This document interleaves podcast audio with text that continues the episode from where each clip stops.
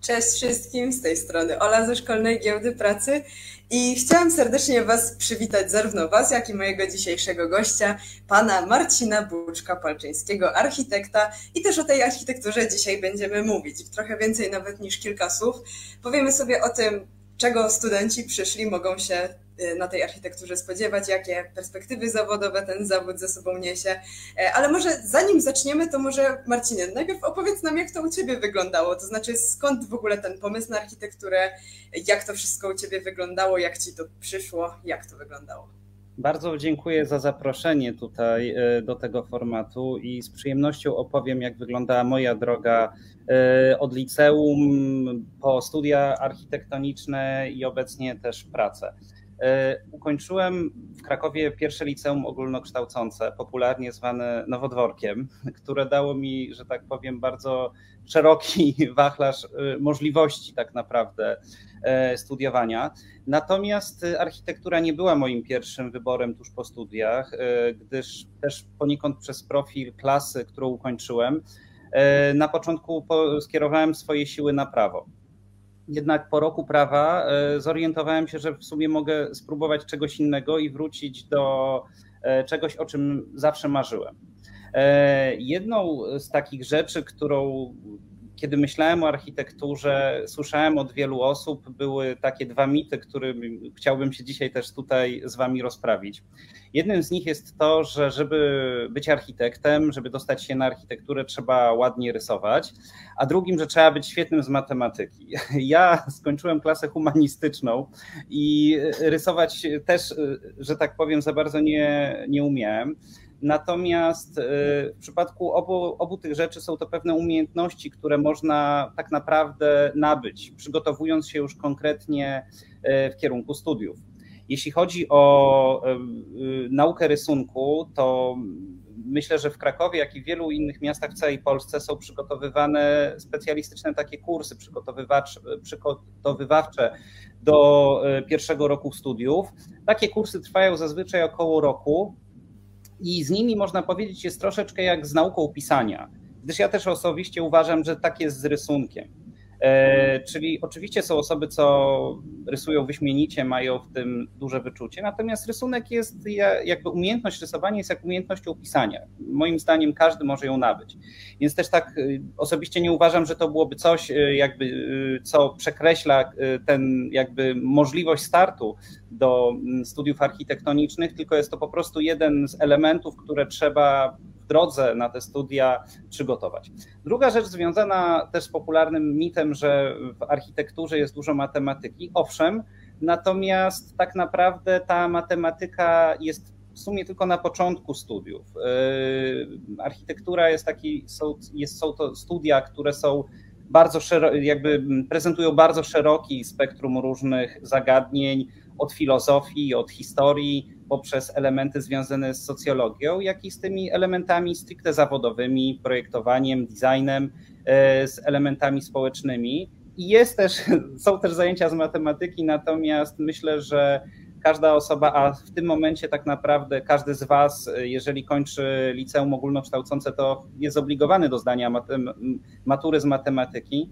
I myślę, że jakby ta podstawowa mm, wiedza, jeżeli tylko umożliwi dostanie się na studiów, to na pewno jest wystarczająca, żeby zwłaszcza na początku jakby być przygotowanym do tego zawodu. Okej, okay, a jak wspominasz takie same studia? W sensie jest coś na przykład, że nie spodziewałeś się tego, że to się na architekturze pojawi, a pojawiło się i jak to wygląda? E Myślę, że, że tak powiem, to jak są skonstruowany program bardzo dużo zależy od wydziału architektury. W Polsce jest około 20 paru wydziałów architektury. Ja skończyłem Wydział Architektury i Sztuk Pięknych Krakowskiej Akademii imienia Frycza Modrzewskiego. U nas Wydział Architektury był zorganizowany troszeczkę inaczej niż wiele wydziałów w Polsce. Mianowicie był bardzo duży nacisk kładziony na tak zwane klasy mistrzowskie. Polega to mniej więcej na tym, że już od początku studiów e, student e, wraz z grupą zarówno swoich rówieśników, e, jak i starszych studentów z wyższych roczników trafia, trafia pod opiekę wykładowcy, który w pewien sposób już od początku staje się takim jego mentorem, prowadzi go przez te studia, pokazuje mu zarówno ten świat akademicki, jak i świat zawodowy. I w przypadku moich studiów takim pozytywnym zaskoczeniem było to, że dość szybko miałem możliwość e, poznania takich realiów zawodowych, zobaczenia, jak wygląda praca w pracowni, jak wygląda taka codzienna praca architekta. E, I myślę, że to sprawiło, że kończąc architekturę, tak na dobrą sprawę wiedziałem już od razu, co, co chcę robić. Nie, nie miałem takiego momentu, że zawahania czy takiego zastanawiania się, e, jakie kroki teraz należy podjąć. Okej, okay, ja jeszcze tylko przypomnę, bo zdaje się, że nie wspomniałam o tym na początku.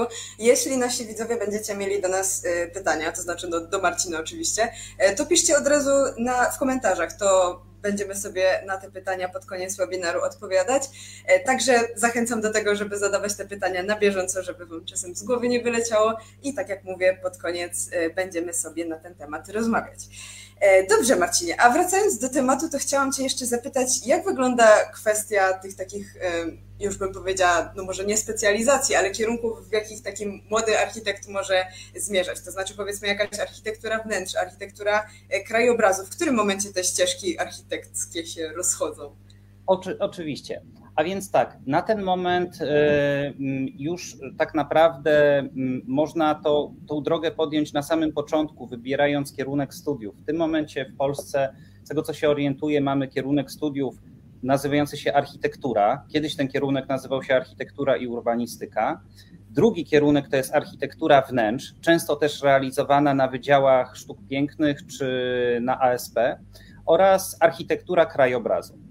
Kończąc każdy z tych trzech takich podstawowych kierunków studiów, dostajemy już potem tytuł zawodowy przypisany do jakby każdego zawodu, czyli architekt krajobrazu jakby dostaje tytuł, po, po ukończeniu architektury krajobrazu jest się architektem krajobrazu, architektury wnętrz tak samo, no i po ukończeniu architektury jest się po prostu architektem.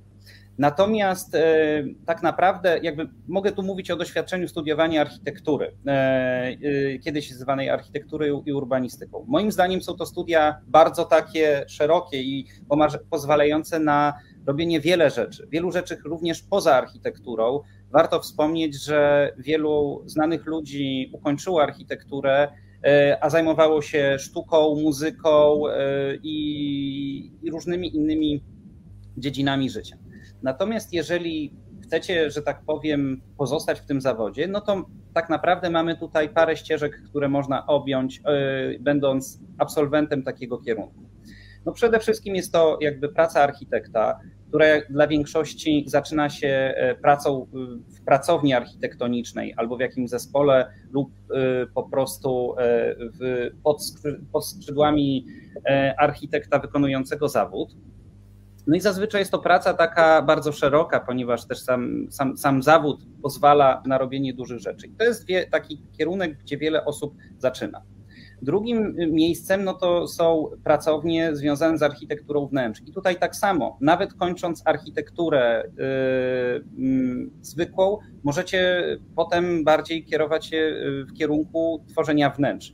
Wtedy ta wiedza trochę bardziej inżynierska, yy, którą yy, dostaniecie, jakby uzyskacie w toku studiów, jest świetnym uzupełnieniem dla tej wiedzy bardziej plastycznej, e, którą uzyskują e, absolwenci architektury wnętrz. Ale też jednym z takich e, najnowszych w sumie jakby takich specjalizacji architektonicznych jest szeroko rozumiane takie skrzyżowanie architektury i informatyki. Nie ma na to jeszcze takich bezpośrednich studiów, natomiast część osób robi studia podyplomowe z BIM-u. E, może też powiem co, w dwóch słowach, czym to jest. BIM to jest taka technologia e, modelowania informacji o budynku, która już od wielu lat e, wchodzi do warsztatu pracy architekta specjaliści, którzy, absolwenci, którzy już na etapie studiów e, wykazują zainteresowanie e, odpowiednim oprogramowaniem i odpowiednim rytmem i warsztatem pracy, są potem bardzo, bardzo, że tak powiem, mile widziani na rynku pracy i z pewnością takim osobom daje to duże możliwości na start już kariery zawodowej. Dobrze, a chciałam się zapytać jeszcze tak a propos tego początku kariery zawodowej. Co byś polecał takim powiedzmy, no licealiście, który, który już wie, że na tą architekturę chce się wybrać, skąd może czerpać wiedzę na ten temat jeszcze przed rozpoczęciem studiów? Myślę, że troszeczkę jakby tutaj na etapie takim przed, studi przed studiami jest to poniekąd trudne. Natomiast y, na rynku jest bardzo wiele książek o architekturze. To jest temat, o którym wiele osób lubi pisać, zarówno pod względem takiego podejścia bardziej humanistycznego do architektury. Jest wiele świetnych albumów. Z pewnością, jeżeli ktoś na etapie liceum, że tak powiem, odrobi tą lekcję, to już potem wchodząc w studia, pewne pojęcia związane z architekturą, pewne terminy, e, pewne informacje są mu łatwiejsze do przy, przyswojenia. Poza tym mm, bycie architektem to jest też ciągłe szukanie inspiracji, a, nie ma lepszych inspiracji niż podróże, więc też na ile to jest tylko możliwe, to gorąco polecam podróżowanie, robienie zdjęć, e, jakby jeżdżenie w wiele miejsc znanych z ciekawych budynków. To są przede wszystkim miasta zachodniej i północnej Europy, Skandynawii, Holandii, Niemiec. To takich najbliższych naszych przykładów. Natomiast y, y, Polska też nie odstaje w tyle. Y, myślę, że w wielu miastach można znaleźć ciekawe przykłady architektury.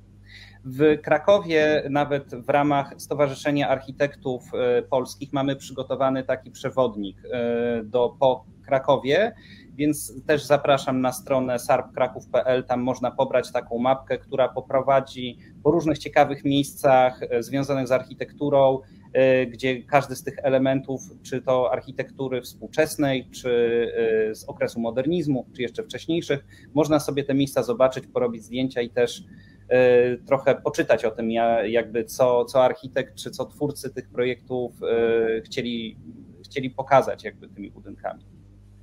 Właśnie, a z tej literatury poleciłbyś coś konkretnego, czy to raczej tak ogólnie? Znaczy. Po prostu czytać. Po prostu czytać, natomiast jest może taka jedna książka, to jest Christopher Alexander, Język wzorców. To jest troszeczkę taka Biblia. E, ona nie opowiada o zasadach projektowania w rozumieniu takich prawno-technicznych, ale właśnie bardziej takich związanych e, z humanistyką i o tym tak naprawdę dla kogo, dla kogo należy robić po prostu to, co robimy. No a tutaj jakby architektura zaczyna i kończy się na ludziach, którzy potem korzystają z tych budynków. Więc myślę, że to jest, że tak powiem, taka lektura. Natomiast jest też wiele, wielu autorów, których pisze w sposób felieton, bardziej e, felietonistyczny o architekturze, o świecie, który nas otacza, więc myślę, że tutaj jest wiele takich miejsc. Mamy też e, parę bardzo dobrze funkcjonujących magazynów architektonicznych wydawanych jak architektura i biznes, czy architektura Murator. E, więc jak najbardziej e, wszystkie te publikacje są godne polecenia. Dobrze, tak od razu mi się jeszcze nasunęło pytanie, może trochę niezwiązane są z tym, co teraz e, mówiłeś, ale tak mi przyszło do głowy. Powiedz mi jeszcze, jak wygląda e, takie życie architekta po ukończeniu studiów? To znaczy, jak to przebiega taki proces? E, to, to jest, myślę, różne u, u, wielu osób. U mnie, mówiąc szczerze, ten proces przeszedł bardzo płynnie, ponieważ ja zacząłem pracę tak naprawdę już na czwartym, piątym roku studiów. Jest też wiele osób, które zaczyna e, mniej więcej gdzieś od trzeciego roku ży e, życia, przepraszam, od trzeciego roku studiów zaczyna chodzić na różnego rodzaju staże wakacyjne, co zawsze gorąco polecam, bo to jest przede wszystkim zetknięcie się z rzeczywistością. Jeżeli ktoś po paru stażach czuje, że tak, to jest coś, co chce robić, myślę, że e, jakby rzeczywistość po studiach będzie bardzo podobna jakby do tej, która wygląda na stażach. Staże dają z jednej strony doświadczenie, y, potrafią spotkać się jakby z zawodem, no i to już są też te pierwsze kroki. I, I, mówiąc też szczerze, często się zdarza, że jeżeli jakaś osoba przychodzi jako stażysta, jako student do pracowni, to niejednokrotnie zostaje potem po studiach często też zaproszona już do stałej współpracy. I wtedy, kiedy już taka osoba uzyskuje y, dyplom y, inżyniera i magistra, bo to też może nie powiedzieliśmy, w Polsce tak naprawdę na ten moment mamy studia dwustopniowe, jak zresztą większość innych kierunków studiów, czyli po 3,5 roku jakby student broni dyplom inżynierski, dostaje tytuł inżyniera architekta, czyli tak naprawdę już od tego momentu może tytułować się architektem. Natomiast potem po, jakby po, po dostaniu się na drugi stopień i obronieniu pracy dyplomowej magisterskiej dostaje tytuł magistra inżyniera architekta. No i tak na dobrą sprawę, jakby już ten zawodowy tytuł i zawodowe doświadczenie ma mm, tutaj za sobą. No i taka osoba może już potem zacząć pracę w pracowni, w zespole, co ja też, ja to bardzo e, rekomenduję wszystkim młodym osobom, bo oczywiście są też osoby, które na przykład decydują się od razu mm, jakby samemu próbować tego zawodu, natomiast to jest trochę zawód, który wymaga dużo wiedzy i wydaje mi się, że to też jest zawód nastawiony dla ludzi cierpliwych. Myślę, że możemy o tym powiedzieć, że jakby droga i czas poznawania wiedzy i tajników pracy architekta jest dość długi. W porównaniu na przykład do zawodów takich e, bardziej technicznych, jak inżynierowie i informatycy, wydaje mi się, że jest zdecydowanie dłuższy. Dlatego osoba, która kończy studia, najprawdopodobniej przez parę kolejnych lat będzie pracowała w pracowni jako asystent architekta i będzie też przygotowywała się, jeżeli będzie miała taką ochotę, do zdobycia uprawnień do projektowania. Może dwa słowa też o tym powiem w takim razie, skoro, skoro już tutaj jesteśmy. Więc na ten moment wygląda to tak, y, jeśli chodzi o mm, architekta jest poniekąd podobnie jak z zawodem lekarza czy z zawodem prawnika. Czyli kończąc studia, owszem, jakby uzyskujemy ten dyplom i mamy wyższe wykształcenie, natomiast tak naprawdę mamy ograniczone prawo do wykonywania zawodu. E, ponieważ architekt, e, żeby móc, mówiąc kolokwialnie, podpisać się pod projektem, a w rzeczywistości jakby wziąć tą odpowiedzialność za projekt, czy za zespół, musi posiadać uprawnienia do projektowania. Tak jak w przypadku lekarzy mamy specjalizację, tak jak w przypadku e, prawników też mamy odpowiednie aplikacje radcowskie i tak dalej. I tutaj ten proces jakby kształcenia po studiach mm, wygląda tak, że jest to około dwóch lat y, jakby stażu w pracowni oraz na budowie. I przez ten czas od dwóch do trzech lat to trwa. I to jest ten czas na zdobycie takiej wiedzy praktycznej zawodu, nauczenia się też prawa budowlanego. I taka osoba po spełnieniu tych wszystkich wymogów i oczywiście po jednym z kluczowych wymogów jest dyplom magisterski e, architektury. Może przystąpić do państwowego egzaminu, e, którym, że tak powiem, w przypadku zdania z sukcesem staje się już e, członkiem Izby Architektów i może już samodzielnie wykonywać zawód. I właśnie jak to jest z tym samodzielnym wykonywaniem zawodu? To znaczy uzyskam powiedzmy te uprawnienia i później idę i powiedzmy mogę sama sobie zbudować most, czy jednak to wygląda trochę inaczej? Czy jednak to jest praca grupowa? Ja uważam, że to jest zawsze praca grupowa. Oczywiście część osób decyduje się na praktykę samodzielną, e, w której w przypadku już uzyskania uprawnień może świadczyć usługi architekta i projektować e, domy, budynki. Warto, warto jest też powiedzieć, że w przypadku architektów nie mamy takich specjalizacji jak lekarze. Czyli osoba, która uzyskuje uprawnienia, tak naprawdę może w teorii jakby zaprojektować od domu po lotnisko. Praktyka jest jednak taka, że w przypadku dużych projektów e, to jest praca zespołowa. Zespoły składają się od kilku, kilkunastu, a czasem nawet kilkudziesięciu osób składających się zarówno z architektów, inżynierów, konstruktorów. E, I no, jakby architekt jest jakby jednym z elementem, jest takim spoiwem takiego zespołu projektowego, który tworzy budynki e, takie użyteczności publicznej i, i jakby takie budynki, które nas tutaj w większości otaczają.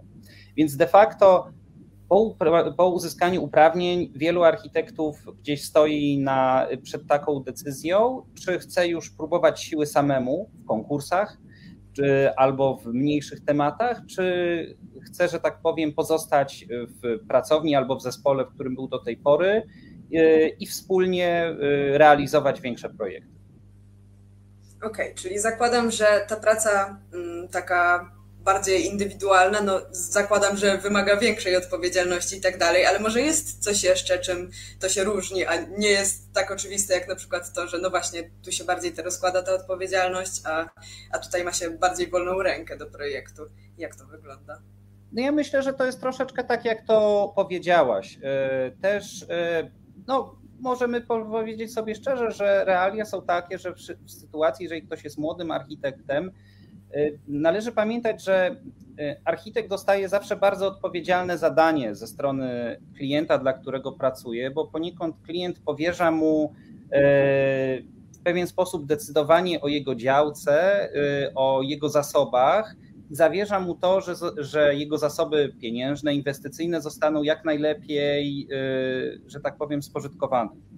Więc w przypadku klientów indywidualnych y, często są to tak naprawdę oszczędności całego życia na budowę domu, remont mieszkania, więc jest to dość taka specyficzna więź, która się wtedy wytwarza między architektem a, a jego zleceniodawcą, e, ponieważ tak na dobrą sprawę te decyzje, które taki architekt podejmuje, w pewien sposób ludzie, dla których pracuje, będą musieli z nimi żyć przez wiele lat.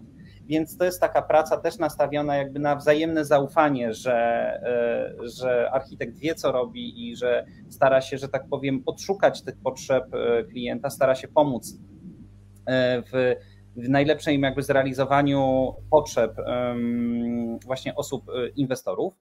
Natomiast w przypadku jakby mm, pracy w takich dużych zespołach, no to te zadania są troszeczkę inne, ponieważ y, tu y, rzadziej mamy do czynienia jakby z poszczególnym jednoosobowym jakby, czy, czy, czy rodziną, dla której projektujemy. Często projektuje się dla firm, dla instytucji, które też mają po swojej stronie często zespoły zajmujące się mm, jakby prowadzeniem takich inwestycji. Więc tutaj mówimy też o, o dużej takiej pracy na zasadzie komunikacji. Ja w ogóle uważam, że umiejętność komunikacji, rozmowy dla architekta jest bardzo kluczowa, bo tą rozmowę praktycznie architekt y, ma cały czas. Zarówno w pracy musi się porozumieć ze swoimi kolegami, koleżankami z zespołu, y, z, z różnymi osobami, które dodają takie małe cegiełki do tego projektu, jak i też powinien umieć właśnie rozmawiać i negocjować z klientami, ze zleceniodawcami, dla których robi projekt. Więc bardzo dużo się rozmawia. Czasem nawet więcej trzeba porozmawiać, zanim się zaprojektuje, i myślę, że często to wychodzi na dobre. A właśnie z takich y, umiejętności bardziej miękkich, bym powiedziała, które teraz y, zacząłeś wymieniać, że właśnie ta komunikacja, te negocjacje, jest coś jeszcze takiego, co architekt koniecznie musi mieć, a o tym się tak za dużo nie mówi? Ja myślę, że tak jak wspomniałem parę zdań temu, myślę, że cierpliwość jest bardzo dobrą cechą, ponieważ e, wiele projektów, nawet poczynając od takich projektów małych jak dom jednorodzinny, a kończąc na wielkich projektach, są to mm, rzeczy rozpisane na wiele lat. Rzadko kiedy zdarza się, y, że ktoś, znaczy to się po prostu nie zdarza, że ktoś przychodzi do architekta i za miesiąc już się co zaczyna budować.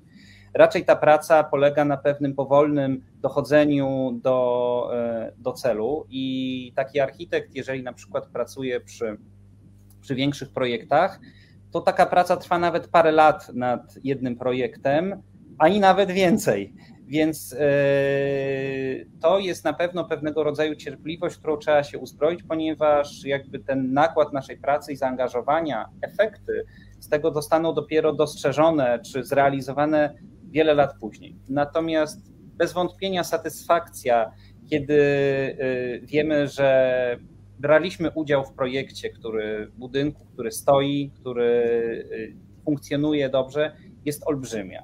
Bo to jest też myślę, że to jest taka, taka rzecz, dla której bardzo warto być architektem, bo w przeciwieństwie do wielu innych zawodów, y, po naszej pracy następuje taki namacalny efekt.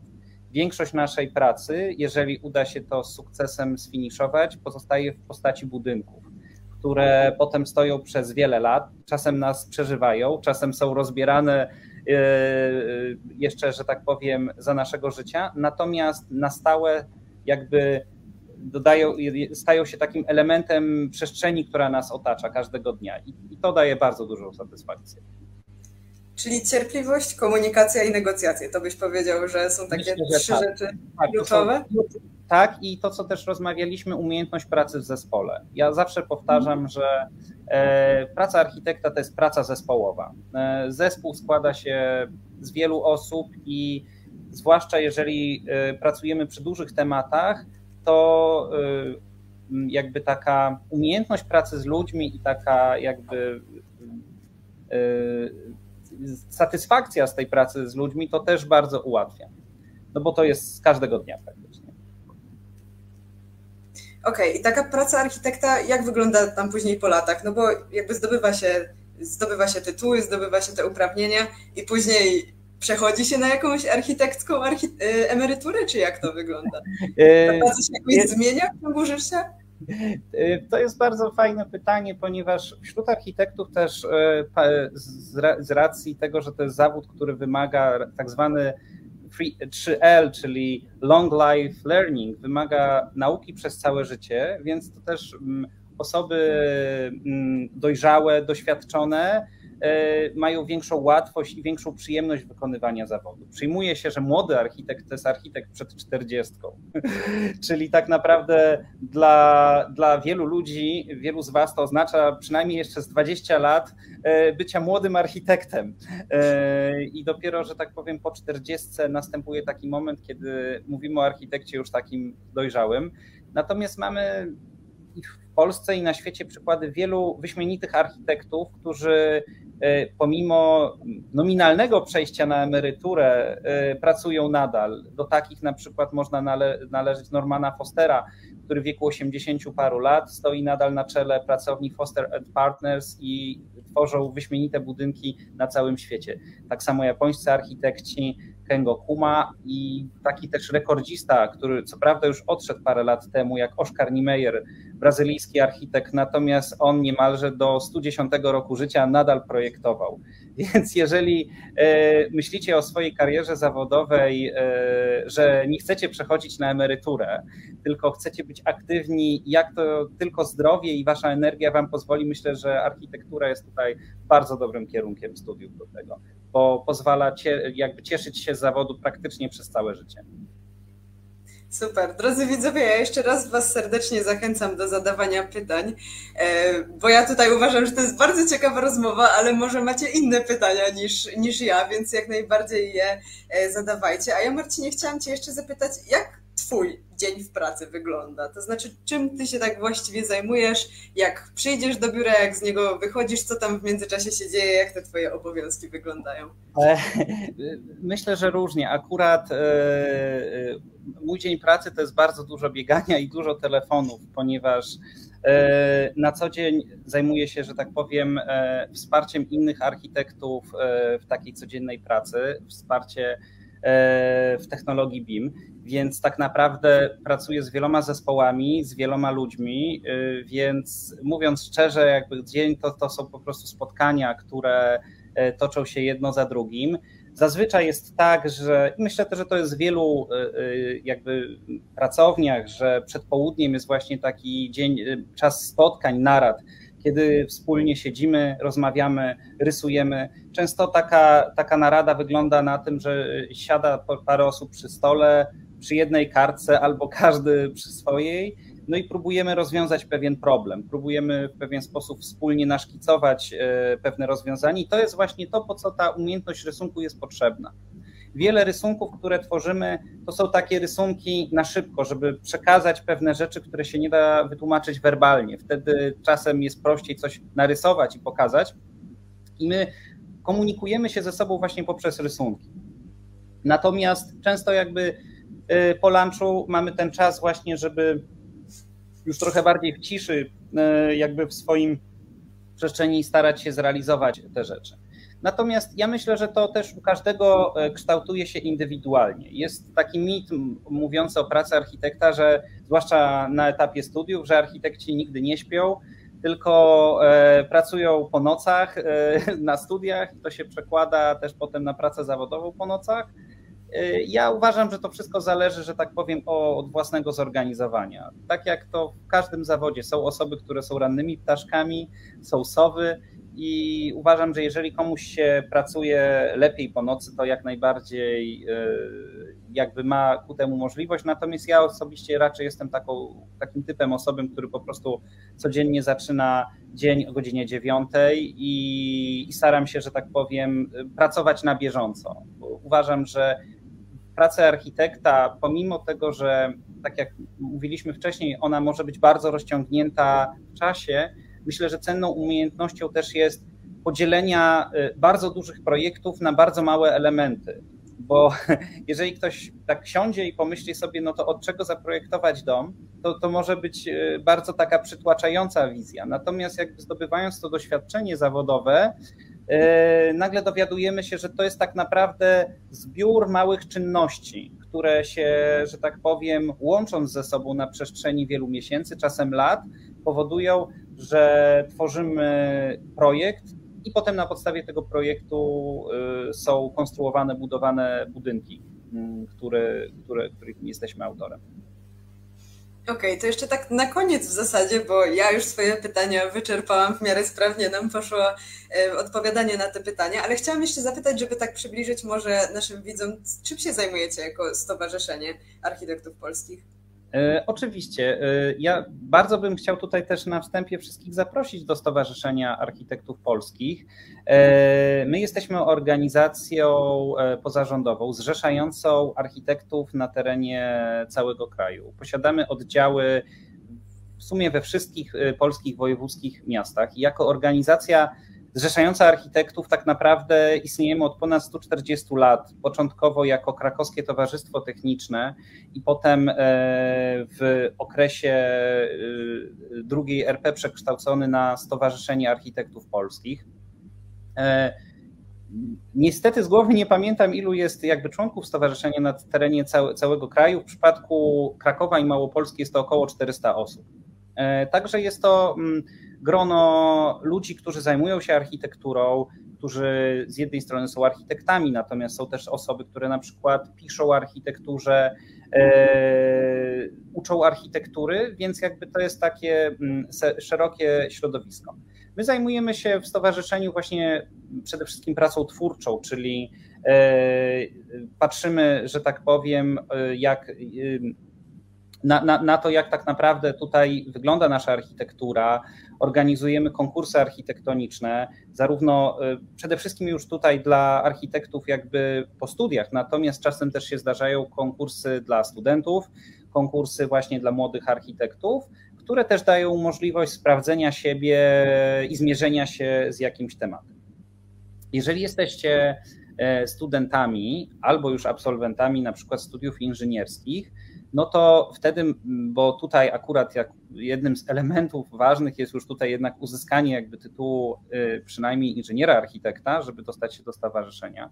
Natomiast y, w Krakowie bardzo prężnie też działa przy Politechnice Krakowskiej i przy Krakowskiej Akademii y, koło studenckie Kreatura, który też, że tak powiem, przybliża tematy właśnie związane bardziej ze studentami i z architektami. Zapraszam też wszystkich chętnych na e, Biennale Architektury, które jako stowarzyszenie organizujemy co dwa lata w Krakowie. Przyszłe Biennale najbliższe odbędzie się jesienią e, przyszłego roku. Także no, zachęcam też do obserwowania różnych naszych profili na mediach społecznościowych, e, gdzie na bieżąco podajemy różne, różne informacje o tym, co się dzieje. E, więc jeżeli nawet jesteście, że tak powiem, dopiero przed tym e, krokiem związanym jakby ze studiowaniem architektury, ale chcecie już troszeczkę poznać, e, jak wygląda praca architekta, posłuchać rozmów z architektami, bo też zdarza nam się często prowadzić różnego rodzaju debaty, spotkania z gośćmi, to z pewnością to są takie elementy, które bardzo przybliżają i pokazują piękno i satysfakcję wykonywania tego zawodu. Więc bardzo, bardzo serdecznie Was zapraszam do, e, do SARP-u. Ja tak jeszcze zapytam, bo w trakcie tego, jak mówiłeś o tych konkursach, to y, rzuciło mi się do głowy pytanie, które może co prawda, no ja jestem totalnym laikiem w temacie, więc może zabrzmi to troszkę głupio, ale jak to wygląda z tymi konkursami? W sensie to jest tak, jak mi się wydaje, że po prostu jest ogłaszany konkurs, że proszę coś zaprojektować do danego terminu, czy, czy jak to wygląda? Y, są różne konkursy, to też z chęcią o tym opowiem. E, jeżeli zaczniemy może od takich konkursów studenckich, e, one zazwyczaj są bardzo otwarte i z bardzo luźną formułą, e, których celem jest wyłonienie ciekawych pomysłów. Zarówno jeśli mówimy tutaj o konkursy takie komercyjne, jak i różne konkursy takie niekomercyjne, to przede wszystkim chodzi o to, żeby studenci będący w pewien sposób nieskrępowani jeszcze wiedzą techniczną, mogli się wykazać kreatywnością i przedstawić na przykład nowe rozwiązania pewnych problemów.